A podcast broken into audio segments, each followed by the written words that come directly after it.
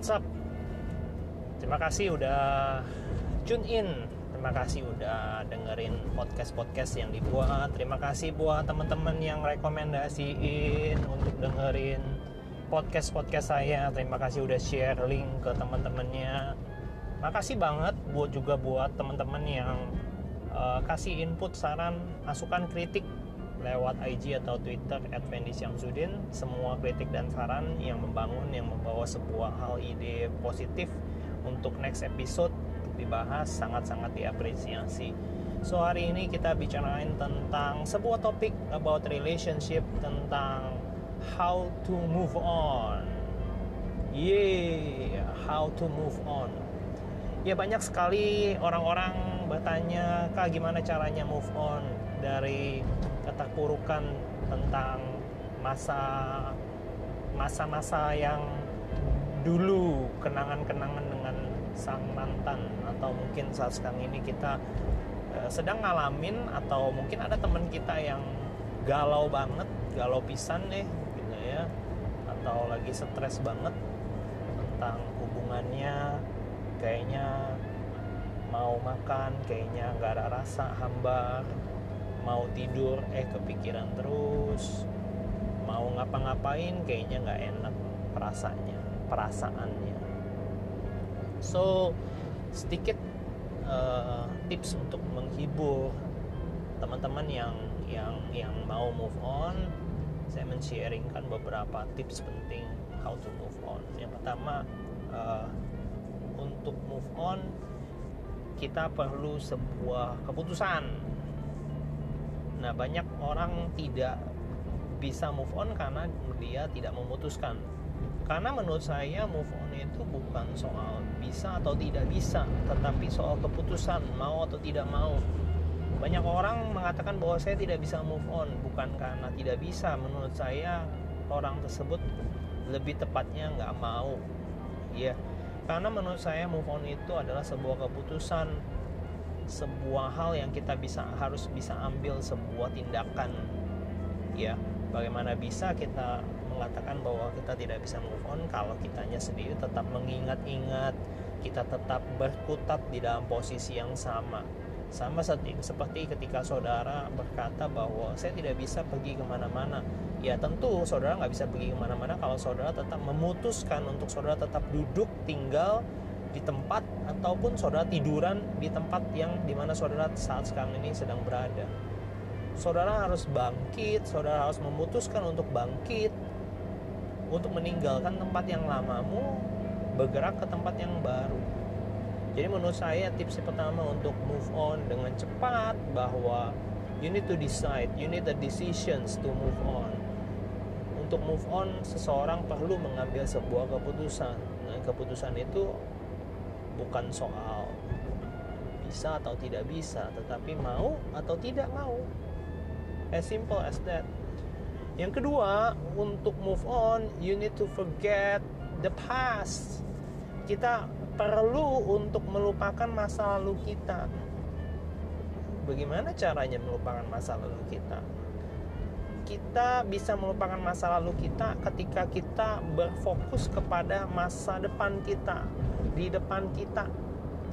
Banyak orang tetap gagal untuk move on atau galon karena orang tersebut masih berkutat dan memikirkan masa lalu atau kenangan-kenangan yang manis bersama dengan sang mantan which is it's hard ya yeah, it's getting harder and harder to get moved ya kalau kita mempunyai fokus atau pandangan kita tetap tertuju kepada masa lalu kita, maka akan sangat kesulitan kita untuk kita move on.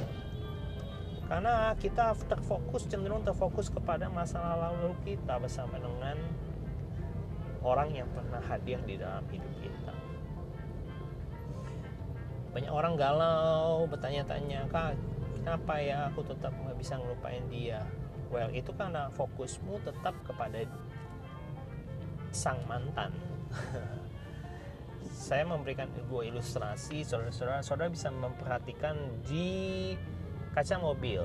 Kalau saudara ada kaca mobil kaca mobil pribadi ya saudara akan melihat bahwa kaca jendela kaca e, pintu bukan kaca pintu ya kaca mobil utama di depan ada lebih besar dibandingkan dengan kaca spion di samping kiri dan samping kanan Saudara kita tidak mungkin bisa bergerak maju dengan aman, kita tidak bisa bergerak maju menuju satu destinasi kalau fokus pandangan kita lebih banyak tertuju kepada kaca spion di samping kiri atau samping kanan atau di atas saudara.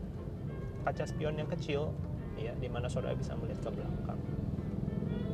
Saudara bisa nyampe mungkin tapi saudara penuh dengan ya mungkin dengan masalah mungkin ya kalau saudara fokusnya pada kaca spion bisa saja saudara berhenti karena saudara mungkin mengalami sebuah kecelakaan atau saudara mungkin diomelin oleh orang-orang di sekeliling saudara karena saudara dianggap tidak fokus kepada jalanan di depan saudara. Itulah sebabnya kaca depan mobil selalu jauh lebih besar dibandingin kaca spion yang ada di sebelah kiri dan kanan saudara. Artinya apa? Artinya masa depan saudara itu jauh lebih penting daripada masa lalu saudara. Fokus saudara harusnya jauh lebih penting ke berarah ke depan dibandingin kiri kanan saudara. Dan Rasul Paulus pun pernah berkata di dalam Filipi 3 ayat 13 sampai ayat yang ke-14 saudara bisa baca di sana. Aku melupakan apa yang ada di belakangku dan mengarahkan pandanganku kepada janji Tuhan yang ada di depanku yaitu sebuah panggilan mahkota. Saudara kalau kita melihat perjalanan Rasul Paulus, kalau kita melihat backgroundnya adalah background yang sangat-sangat buruk dia dikenal sebagai seorang yang menyiksa daripada murid-murid Tuhan Yesus.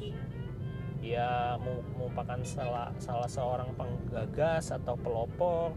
Kenapa Stefanus bisa dihukum rajam batu sampai mati. Tetapi saudara-saudara yang menarik adalah Rasul Paulus tidak terfokus kepada masa lalunya. Dia punya masa lalu yang buruk, tetapi dia memilih untuk melupakan apa yang ada di belakang dia. Dan dia memilih untuk fokus kepada pandangan yang di depan, yaitu panggilan Tuhan, yaitu kasih karunia Tuhan, yaitu anugerah Tuhan, yaitu apa yang dipercayakan Tuhan, tugas-tugas pelayanan yang Tuhan percayakan kepada dia. Itu yang menjadi fokus utamanya. Sehingga tidak heran saudara-saudara pencapaian Rasul Paulus begitu luar biasa kita melihat dari 3 per 4 daripada isi perjanjian baru semua ditulis oleh Rasul Paulus. Nah saudara-saudara juga bisa seperti itu. Saudara-saudara, saya mau mengatakan apa relasinya dengan hubungan. Ya saudara-saudara punya sesuatu kesempatan yang udah jauh lebih baik di depan. Asalkan saudara bisa move on. Setuju ya saudara-saudara ya. Saya berharap saudara bisa menangkap poin ini. Poin di mana saudara perlu untuk masa lalu saudara dan fokusmu bukan kepada masa lalu tetapi fokusmu kepada masa depan which is far more important jadi yang pertama tadi kita sudah bahas bahwa untuk move on kita perlu sebuah keputusan yang kedua kita perlu untuk melupakan masa lalu kita dengan dengan cara fokusnya pada masa depan. Itu jauh lebih penting. Kiranya tips dan apa yang saya berikan dan saya sharingkan dengan sederhana ini boleh menjadi berkat buat setiap anak-anak muda yang mungkin mengalami kegalauan, masalah, ya. Hidup tidak bergairah, kok tidak sepertinya nggak ada semangat. Ingat saudara-saudara, Tuhan mempunyai rancangan yang jauh lebih dahsyat untuk engkau. Ya jangan pernah merasa bahwa engkau kecil, engkau tidak berharga. Tuhan punya rencana yang jauh lebih besar di dalam kehidupanmu.